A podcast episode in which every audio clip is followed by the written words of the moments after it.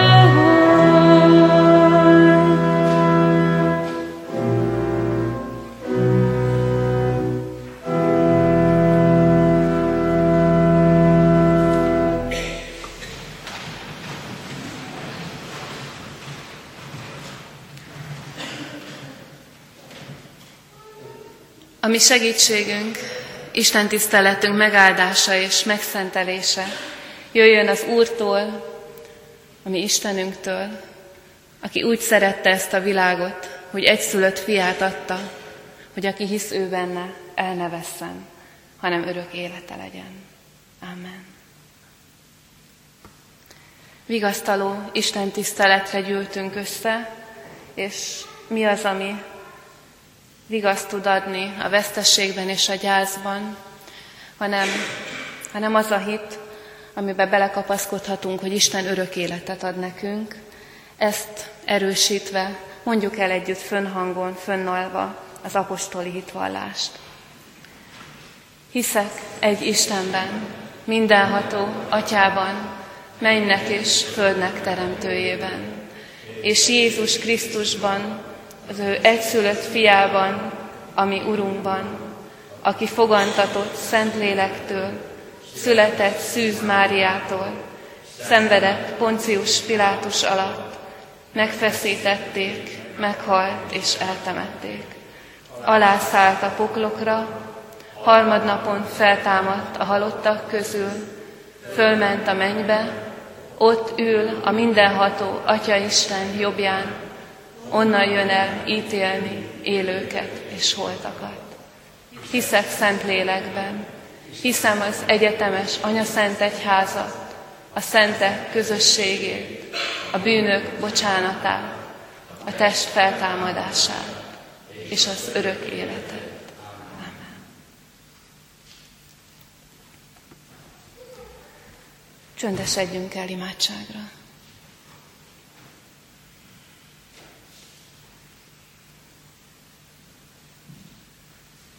Urunk, köszönjük ezeket a régen megírt, megfogalmazott és megtanult szavakat, mert látod, hogy ezekben még bele tudunk valahogy kapaszkodni. De ha, de ha azt mondanánk, azt mondjuk, ami bennünk van, az nem lenne ilyen egyértelmű, az nem lenne ilyen határozott, az nem lenne ilyen bátor. De köszönjük neked a hitvallást, ami megtarthatja a reménységünket, és köszönjük neked azt is, hogy közben pedig úgy jöhetünk eléd, ahogy vagyunk. Mindenki a maga gyászával, mindenki a maga dolgaival, a maga kérdéseivel, a maga küzdködéseivel. És hihetjük, hogy te nem csak látod ezt, hanem belülről ismered. És hihetjük, hogy lelked most is úgy akar megszólítani bennünket, ahogy csak ő tud. Így kérünk, hogy ne emberi okoskodás, hanem lélektől kapott üzenet legyen ma este itt közöttünk. Amen.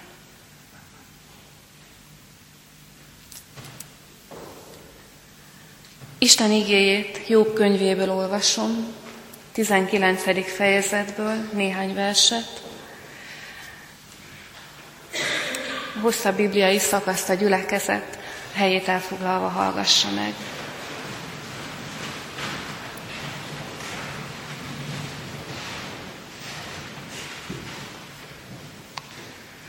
Azért is jó, ha leülünk, mert nem könnyű, még ülve se könnyű hallgatni ezeket a mondatokat. Egy gyászolónak a panasza, gyászolónak a kiáltása, küzdködése. Ezt mondja Jobb. Rokonaimat eltávolította mellőlem az Isten. Ismerőseim egészen elidegenedtek tőlem. Szomszédaim elhagytak, ismerőseim elfelejtettek.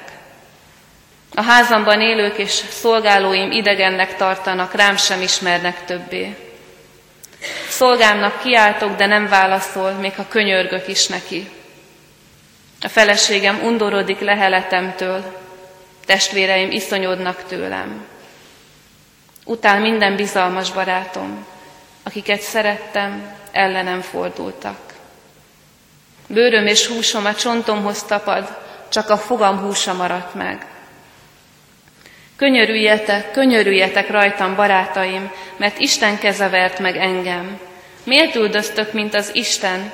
Miért nem elégettek meg testemmel? Bár csak leírnák szavaimat, bár csak följegyeznék egy könyvbe, vas íróveszővel, ólomba minden időkre kősziklába vésnék.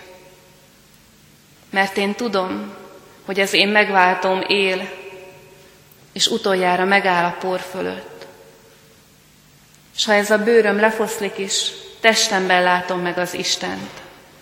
Saját magam látom meg őt, tulajdon szemeim látják meg, nem más, bár veséim is megemésztetnek.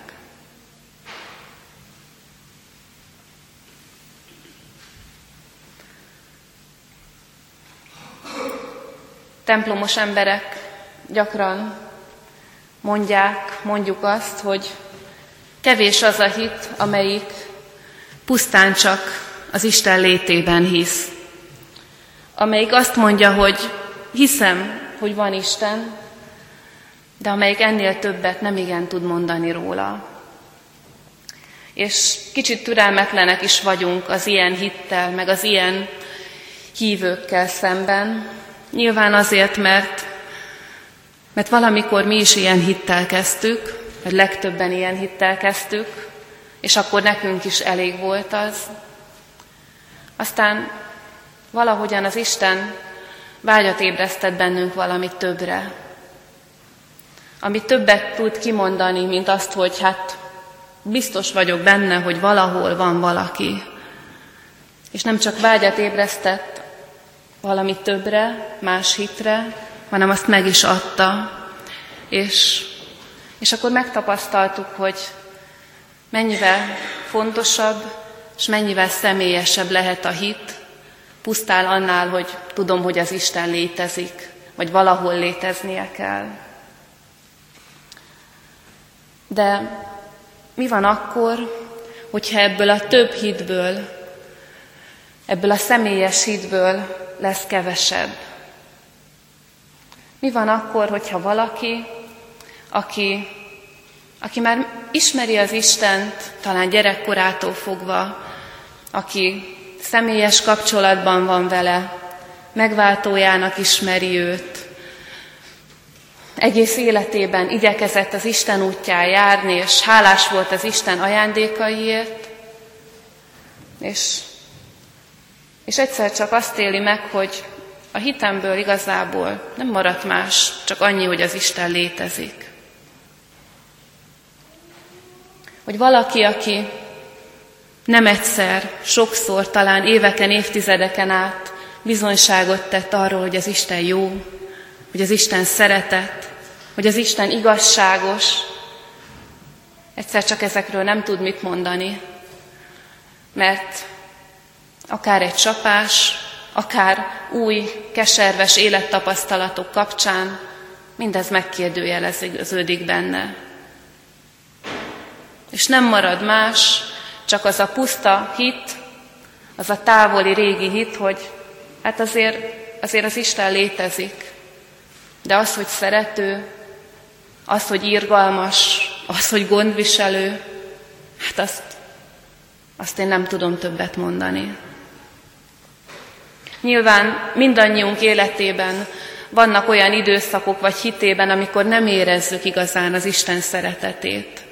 De de ennél sokkal többről van szó, vagy sokkal nagyobb mélységről van szó, amikor valakit úgy érnek a csapások, hogy nem csak, hogy nem érzi az Isten szeretetét, de már nem is tudja vallani. És azt mondjuk, hogy ez lehetetlen. Azt mondjuk, kicsit, kicsit keresztény gőggel, hogy ja, hát aki, akinek a hite ilyen lesz, az nem is volt igazán hívő akkor mit mondunk Jobbnak, akinek a szavait felolvastam a Bibliából? Vagy mit mondunk annak a keresztény férfinak, lelkipásztornak, aki egy héten belül veszítette el először a gyermekét, és aztán a feleségét, és aki maga így fogalmazta meg, hogy vannak idők, amikor valóban nem maradt semmi más a hitből, nekem sem maradt más, mint annak a távoli, de biztos tudata, hogy az Isten létezik. hallgatni is nehéz ezeket a mondatokat. És hívő testvérek, ha valaki ezt kimondja mellettünk, akkor mindig igyekszünk őt meggyőzni, megnyugtatni, hogy ez nem így van, hogy te is tudod, hogy az Isten szeretett, te is tudod, hogy az Isten igazságos, te is tudod, hogy az Isten nem rak nagyobb terhet ránk, mint amit el tudunk viselni. De, de ezzel mit segítünk? Annyit segítünk, mint amennyit jóban segítettek a barátai. Pontosan ezt csinálták. Olvashatjuk Jobb könyvében. Győzködik Jobbot, nem neked van igazad, valami, valamit tenned kellett, hogy ilyen csapások értek. Nem, nem, ne fakadj ki az Isten ellen, nem, nem ilyen az Isten. Pedig, hogyha elviseljük a gyászolónak ezt a mélységeit, akkor, akkor hihetjük azt, hogy ha megmaradt az az alap, hogy az Isten létezik, akkor ezen az alapon egyszer csak lassan újra elkezdhet fölépülni valami. Újra elkezdhet fölépülni a személyes hit, ami most már sokkal mélyebb és sokkal erősebb, mert nagy mélységek próbálták meg. Hogy mikor és mitől kezdődik el ez a fölépülés, azt nem lehet tudni. Hát, hogy mitől az Isten lelkétől, és hogy mikor, amikor az Isten lelke eléri a gyászában, a fájdalmában heverő embert. Nézzük csak meg Jobbnak a történetét. Ha régi bibliás szóval akarom őt jellemezni, akkor, akkor egy igaz, kegyes ember. Hogyha kicsit maibb nyelven akarom, akarok róla beszélni, azt mondom, hogy egy hiteles hívő. Olyan, akit keresünk magunk körül. Egy hiteles hívő ember. És olyan ember, akinek szép élete van, legalábbis szép élete volt. Szép családja, jó megélhetése, és amit elsősorban nem saját magának köszön, tulajdonít, hanem az Istennek. És emellett még olyan ember jobb, aki, aki tud adni is abból, amilyen van.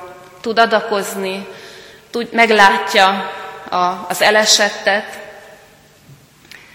és mindenek fölött élő kapcsolatban van az Istennel. Beszél vele, imádkozik. Egy hálás és elégedett ember, akinek egyszer csak olyan csapások kezdenek el sorba a nyakára szakadni, amik közül egy is megpróbálhatja az ember, meg az ember hitét. Egy is megtörheti az embert és az ember hitét. Elveszti a vagyonát, és tudjuk, hogy főleg ma a tőzsde világában, amikor valaki egy pillanat alatt elvesztheti a vagyonát, nagyon sokszor az élete vele megy. Nem akar tovább élni. Jobb elveszti egy nap alatt a vagyonát, egy nap alatt az összes gyermekét egy tragédiában, egy balesetben, és ha mindez még nem lenne elég, akkor ő is megbetegszik, az egész testét fekélyek kezdik elborítani. Lényegében nem marad senkie és semmije, csak a felesége, akit ugye ugyanúgy sújtanak ezek a dolgok, ugyanúgy sújtja az anyagi tönkremenetel, a gyász a gyerekeik fölött. Nem marad jobbnak senkie, csak a felesége, aki azt mondja, hogy átkozd meg az Istent és haj meg. Ebből kimenni. Ami Másként azt is mondja, hogy tagad meg az Isten, mondd azt, hogy nincsen, mondd azt, hogy nincsen, hazugság az egész. És Jobb ezt nem teszi, nem átkozza és nem tagadja meg az Istent, és nem hal meg, de, de aztán megmondja magáét Istennek és embernek. Ha olvassuk Jobb könyvét, akkor, akkor látjuk, megmondja magáét, a barátainak is, akik próbálnak magyarázatot keresni a szenvedéseire, azt semmit nem értetek. Talán így már érthetőek azok a mondatok, amiket fölír, fölolvastam a Szentírásból. Teljes, teljes kétségbeesésről szól. Azt mondja, hogy Az Isten keze vert meg engem. Miért üldöztök engem, mint az Isten? És beszél a, a magányáról, beszél arról, hogy a szenvedés, a szeretetnek a kötelékeit is kikezdte az életében. Ugye azt mondja, hogy a feleségem undorodik a leheletemtől is. Teljes, teljes kétségbeesés, semmi sem maradt, csak az a hit, hogy az Isten van.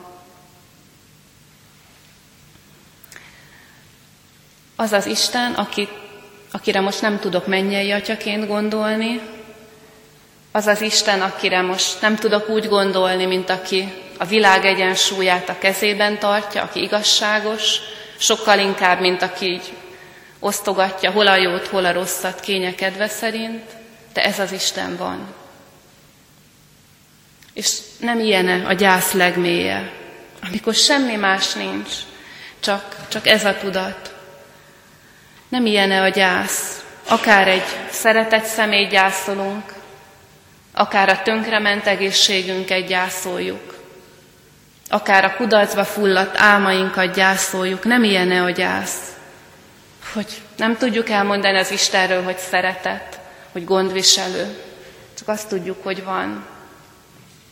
És a hívő barátok ilyenkor szoktak kétségbe esetten győzködni, és semmit nem használ.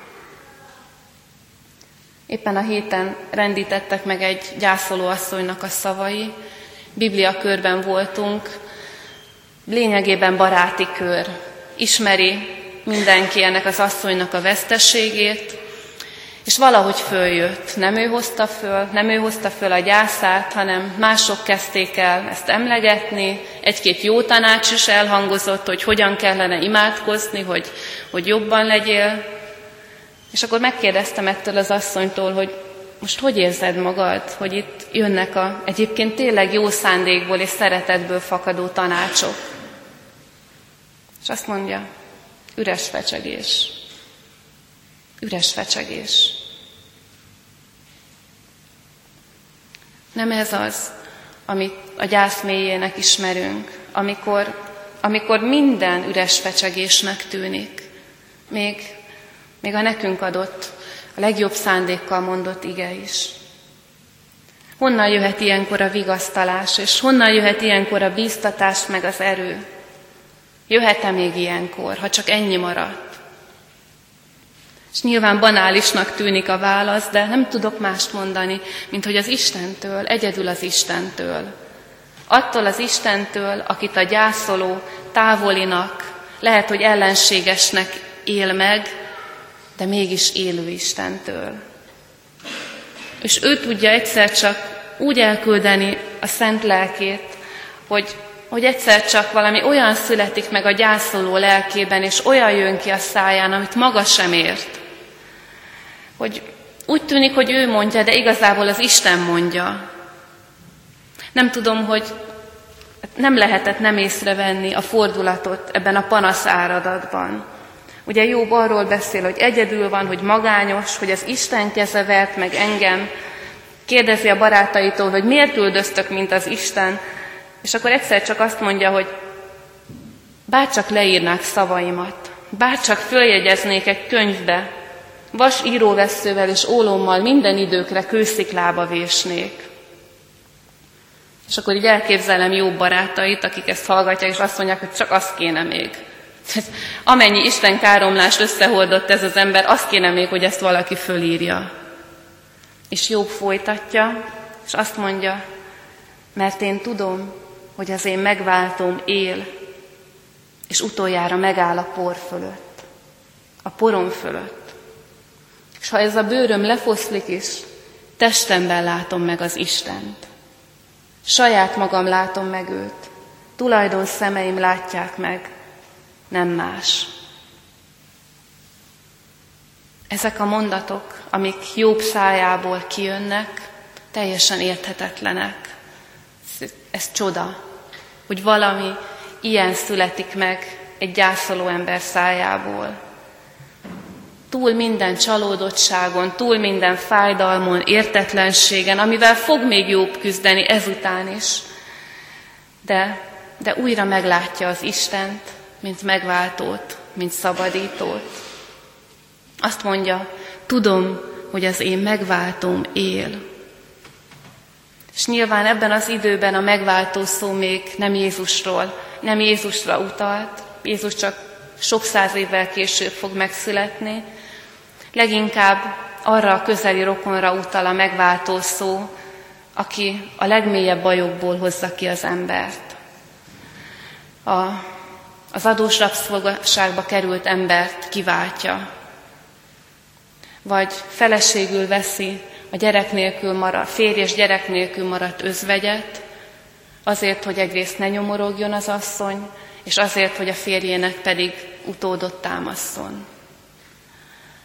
Ez a megváltó az Ószövetségben, aki, aki a kilátástalan helyzetből szabadítja meg az embert. De hát nyilván a régiek is tapasztaltak már, ahogy mi is tapasztaljuk időről időre, hogy azért az emberi megváltók jó cserbe tudnak bennünket hagyni. És már a régiek is ezért a megváltót nagy emmel, vagy csupa nagy betűvel azt az Istennek tartották fönn. És itt ebben a kegyelmi pillanatban jobb újra meglátja Isten, mint megváltót. Aki nem csak a jelenlegi fájdalmától, a keserűségétől, a kilátástalanságától fogja megváltani, hanem, hanem attól a még nagyobb veszélytől, ami, ami előtte áll, a saját halálától. Tudom, hogy az én megváltóm él, és utoljára megáll a porom felett. És a halálon túl is meg fogom látni az Istent. Azért is csoda ez a kijelentés Jobb szájából, mert az ószövetségi ember még nem tud örök életről. És akkor azt mondja, hogy a saját szememmel fogom a halálom után meglátni az Istent. Isten lelke, Isten szeretetéből olyan üzenetet ad Jobb szájába, ami, ami érthetetlen, és mégis életet adó. Aztán azért is csoda ez a mondat, mert arról szól, hogy nem fogja mindig elhomályosítani a szemünket, a fájdalom, a gyász és a harag és a könny, hanem, hanem egyszer csak újra ki fog tisztulni a látásunk. Azt mondja Jobb, újra meglátom a kegyelmes Istent. És a Biblia végén a jelenések könyve éppen erről szól. Ott csúcsosodik ki ez az ígéret. Azt mondja, hogy Isten letöröl minden könnyet a szemükről.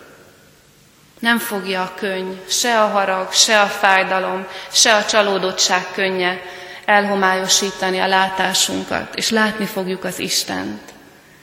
És azt mondja, nem lesz szükség templomra ott, mert az Isten lesz közöttük és látni fogják az ő arcát, és a neve lesz a homlokukon.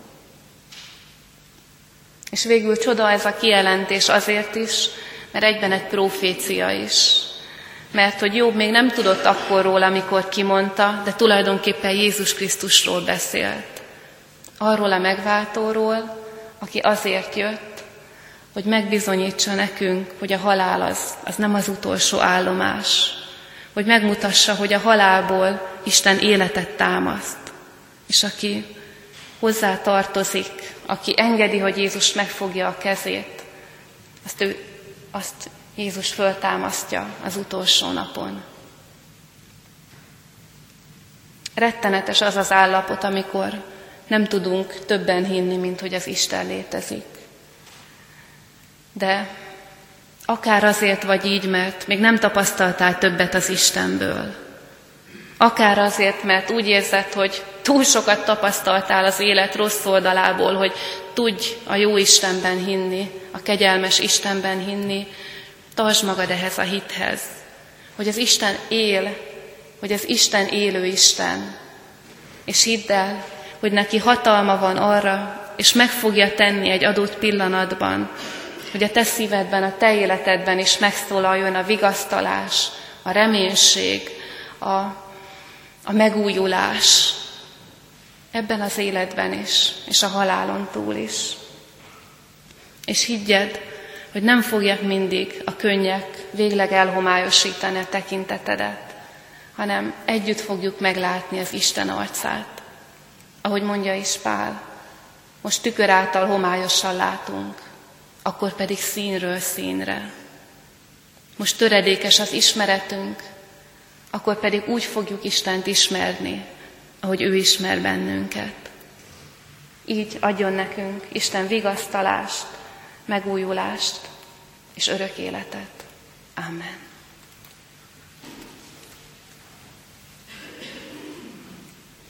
Válaszul Isten megszólító szavára a 421. dicséretünkkel valljuk meg, vagy erősítsük meg a szívünket. Így kezdődik. Tudom, az én megváltóm él, hajléka készen vár rám.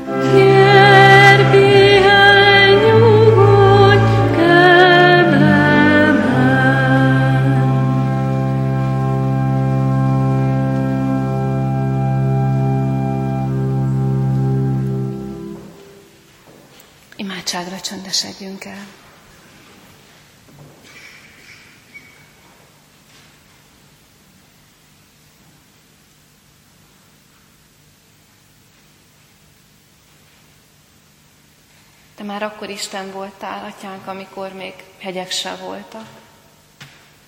És akkor is Isten leszel, amikor ez a világ teljesen új arcot kap.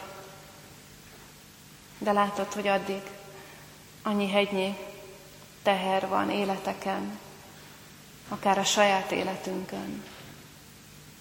Kérünk, hogy legyél benne Isten. Mutasd meg magad, Legyél te a kezdeményező, ahogy mindig te vagy. Üzenj, szólíts, vigasztalj, adj életet, adj gyógyulást, adj reménységet. És hadd könyörögjünk Istenünk, ne csak a közvetlen gyászolókért, de értünk a gyülekezetért. Bár csak olyan közösség lehetnénk, ahova jó jönni, akár örömmel, akár gyászsal, ahol otthont lehet találni, ahol nem okoskodás, nem számonkérés, hanem testvéri szeretet fogadja a bejövőt. Így kérünk, hogy újíts meg bennünket, ne csak a hitünkben, de a szeretetünkben is. Így kérünk áldást az előttünk levő hétre, hónapra. Kérünk, hogy legyen a kezed fölöttünk. Amen. Fönnállva együtt mondjuk el azt az imádságot, amire Jézus Krisztus tanított bennünket. Mi, Atyánk, aki a mennyekben vagy, szenteltessék meg a Te neved, jöjjön el a Te országod, legyen meg a Te akaratod, amint a mennyben, úgy a földön is. Minden napi kenyerünket add meg nékünk ma, és bocsáss meg védkeinket, miképpen mi is megbocsátunk az ellenünk védkezőknek. És ne vigy minket kísértésbe, de szabadíts meg a gonosztól, mert tiéd az ország, a hatalom és a dicsőség mind örökké. Ámen.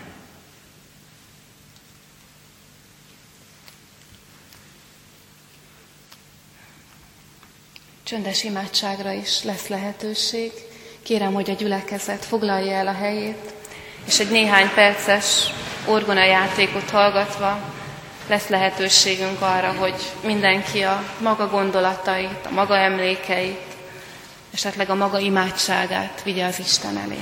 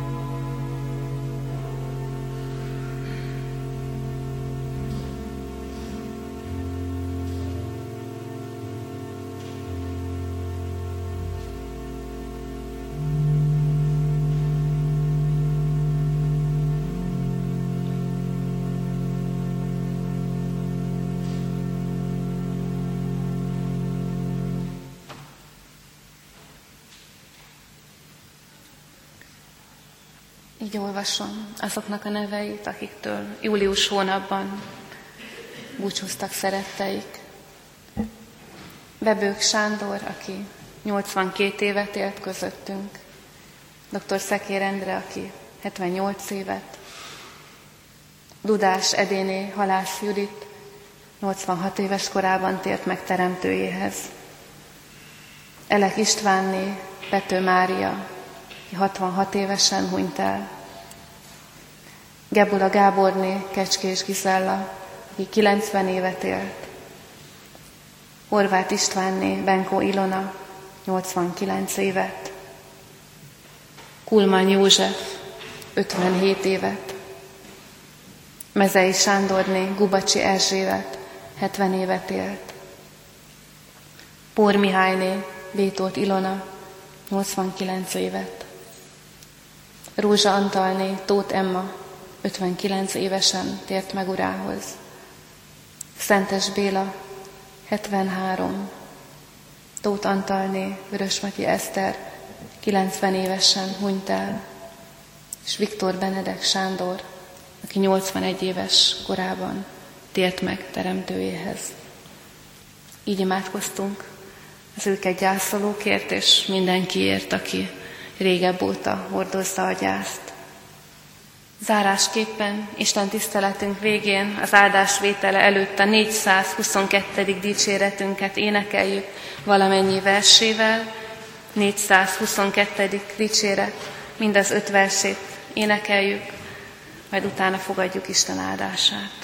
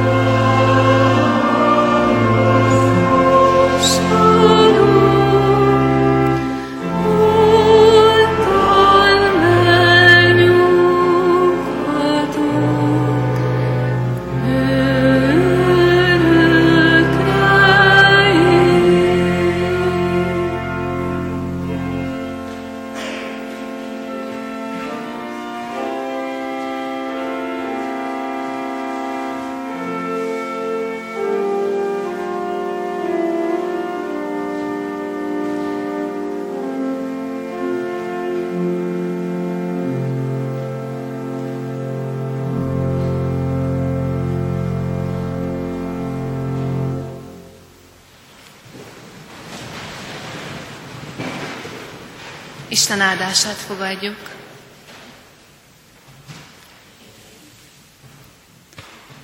Az Isten békessége, amely minden emberi értelmet felülhalad, meg fogja őrizni szíveteket és gondolataitokat a Krisztus Jézusban. Amen. Áldás békesség, Isten áldjon mindenkit!